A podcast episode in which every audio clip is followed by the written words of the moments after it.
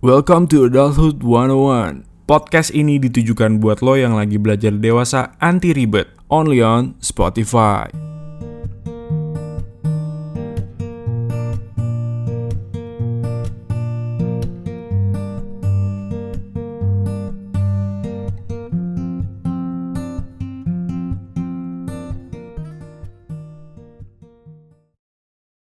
Halo Hooders, welcome to Adult One on One. Hari ini gue ditemenin tamu spesial karena Doi mau berbagi or sharing pengalamannya nih ke Hooders.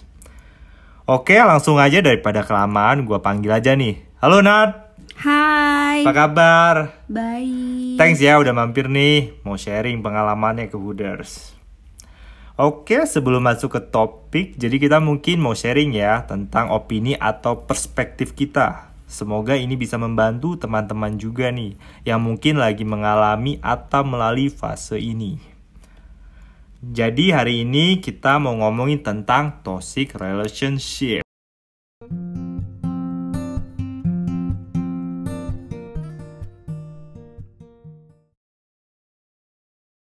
Toxic tuh dalam bahasa Indonesia artinya racun kan ya? Hmm, benar. Nah, bedanya toxic relationship sama racun biasa nih, eh, misalnya kita keracunan makanan. Kita tahu nih kita keracunan makanan, kita mungkin bisa ke dokter atau minum obat terus sembuh kan. Tapi kalau toxic relationship itu jeleknya ya, terkadang kita nggak tahu kalau kita tuh lagi kena racunnya. Bahkan kita nggak tahu kalau kita terjebak di hubungan yang toxic. Um, bener banget sih. Bahkan teman-teman gue tuh ya banyak juga yang nggak sadar dan susah banget untuk keluar dari hubungan itu. Istilahnya kayak terpenjara gitu. Cuma kalau eh, kita ngejalanin toxic relationship itu eh, dalam jangka waktu yang lama, kita tuh bisa merubah hal-hal yang salah dari pacar kita, dari sikap pacar kita, merubah menjadi hal yang benar. Kita nganggapnya benar gitu. Iya nggak sih? Ih, bener banget sih. Nih, jadi gue punya pengalaman nih waktu sama ex gue. Is, Jadi case-nya tuh gue lagi waktu itu lagi mau jalan sama teman-teman gue nongkrong Heeh. gitu. Eh terus ex gue tuh ngechat suruh foto atau selfie gitu buat mastiin aja. Awalnya tuh ngeganggu gue sih, tapi lama kelamaan itu tuh jadi hal yang biasa buat gue. Jadi ya dia minta foto ya gue kirim.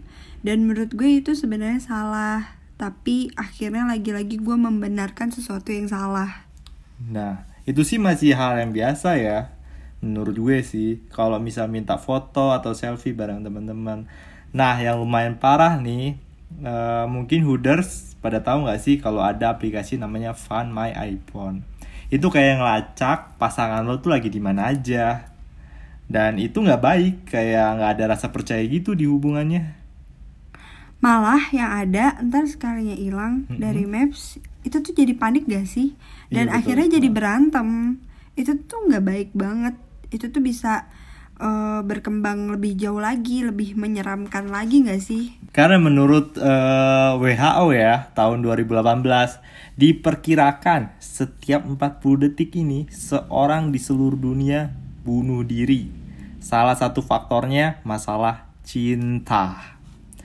Jadi kalau The Massive bilang cinta ini membunuhku, memang benar deh. Betul banget. Jadi kita tuh gak bisa anggap enteng sih namanya toxic relationship itu. Nah, jadi teman-teman harus perlu nih tahu ciri-ciri hubungan yang toksik. Mungkin salah satu cirinya gampang banget sih, yaitu cemburuan. Tapi cemburuan boleh aja sih Heeh. selama masih dalam konteks yang sewajarnya. Iya Tapi kalau udah lebih dari batas wajar, hati-hati deh. Itu pertanda kalian berada di suatu hubungan yang toksik. Nah, setuju banget sih Nat. Nah, Kemudian ciri-ciri berikutnya mungkin salah satunya adalah pendendam. Case-nya mungkin kayak gini ya. Eh, mungkin dalam suatu hubungan pasti ada pernah salah nih. Tiap pasangan lu pasti pernah punya salah. Tapi setiap ada masalah yang baru, masalah yang sebelumnya selalu dibawa-bawa lagi. Dan bukannya menemukan solusi, itu malah tambah perparah sih. Dan buat berantem lagi yang lebih parah. Tapi yang namanya hubungan toksik eh, itu bisa nggak sih dirubah lagi jadi healthy lagi menurut lo Nat? Em, kayak sulit sih kalau eh, menurut gue karena pengalaman gue toxic relationship tuh bener-bener yang udah main fisik gitu. Oh, Nah iya, itu iya tuh bahaya banget Kalau main fisik sih udah tabiat gitu loh Susah kalau mau disadarin Jadi harus ganti pasangan Kalau menurut lo gimana Gam? Iya sih, itu parah banget. Kalau menurut gue sih eh, gini ya, eh, sesuatu yang rusak pasti bisa diperbaiki. Tapi sesuatu yang diperbaiki pasti pernah rusak. Jadi meskipun hati itu udah hancur berkeping-keping terus disusun lagi, dilakban, diplester dan utuh jadi hati lagi. Eh, tapi itu pernah rusak. Hmm, Kayaknya nih eh, nggak menutup kemungkinan kalau dia di hubungan yang baru ini pasti terjadi lagi sih. Nantinya kalau sumbernya terpancing lagi nih bisa meledak lagi deh. Ah, bener-bener Sebenarnya kita tetap bisa ngelakuin sih usaha buat kalau kita pengen menjaga hubungan kita nih. Yang penting kita harus ada effort dulu nih. Oke, effort dulu Gimana tuh caranya? Jadi yang pertama kita harus punya mindset nih. Eh, apa yang kita tanam itu yang kita tuai. Begitupun dalam hubungan. Kita harus menanam rasa sama-sama ingin memperbaiki. Betul, kita juga harus sama-sama menerima gak sih bahwa untuk bikin hubungan yang baik itu tuh bukan cuma satu orang doang. Iya betul. Kita harus ada effort dari dua-duanya gitu untuk punya hubungan yang sehat. Nah betul banget sih. Terus yang kedua adalah salah satunya pengertian. Jadi kalau kita suka nyalain pasangan, eh, kita suka salah-salahin dia, kita harus mikir dulu deh. Kalau gua jadi doi itu enak nggak sih ya digituin? Kayak lebih ngertiin aja, tapi dalam konteks yang eh, sewajarnya ya ngertiinnya. Hmm, nah kalau ini kan dari sesama pasangan ya, eh, Mhm. dari mereka berdua nih. Iya, nah betul. kita juga bisa membuka pertolongan dari luar, nggak cuma sama pasangan aja sih.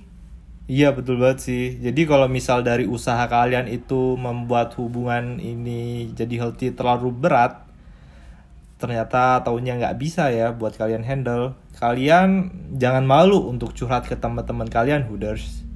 Mungkin banyak banget orang yang ngerasa "Hmm, ini aib nggak sih kalau diceritain. Terus eh, apalagi zaman ini eh, lumayan zaman edan ya. Kalau misal nih kalian cerita masalah ini ke teman, belum tentu teman kalian tuh ngasih solusi.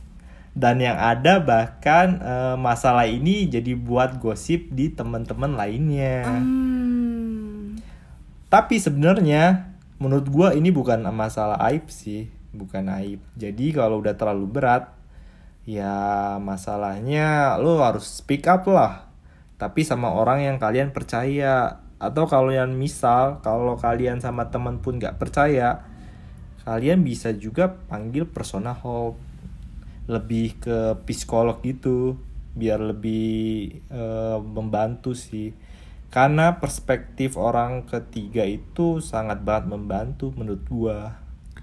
itu benar sih. Dan tentunya kalau misalnya ketemu sama orang yang profe- profesional, mereka tuh nggak akan memihak. Betul. Jadi pasti sangat membantu dan masukan mereka ya namanya profesional ya pasti mereka bisa membuat kalian berpikir dengan logis karena namanya dalam suatu hubungan itu susah banget berpikir logis. Iya betul itu pastinya sih. Tapi juga dengan seiring berjalannya waktu, terus kita juga banyak belajar dari pengalaman. Nanti di saatnya kita bisa membedakan hal yang baik dan yang buruk dalam hubungan asmara. Intinya sih dari perspektif gua dalam hubungan itu harus ada kepercayaan. Karena kepercayaan itu mahal banget. Setuju. Kepercayaan itu harus dijaga dengan baik karena dia bisa pergi dengan mudah. Namun sulit untuk datang kembali. Oh, Seperti selembar kertas, sekali ia termas, takkan bisa kembali seperti semula. Oke, thanks banget nih Nat. sama-sama. Udah lo udah nemenin gue di sini dan mau sharing pengalaman lo. Semoga dengan topik ini nih kita bisa membantu para hooders yang mungkin lagi melewati fase ini ya. Semangat terus hooders. Thank you.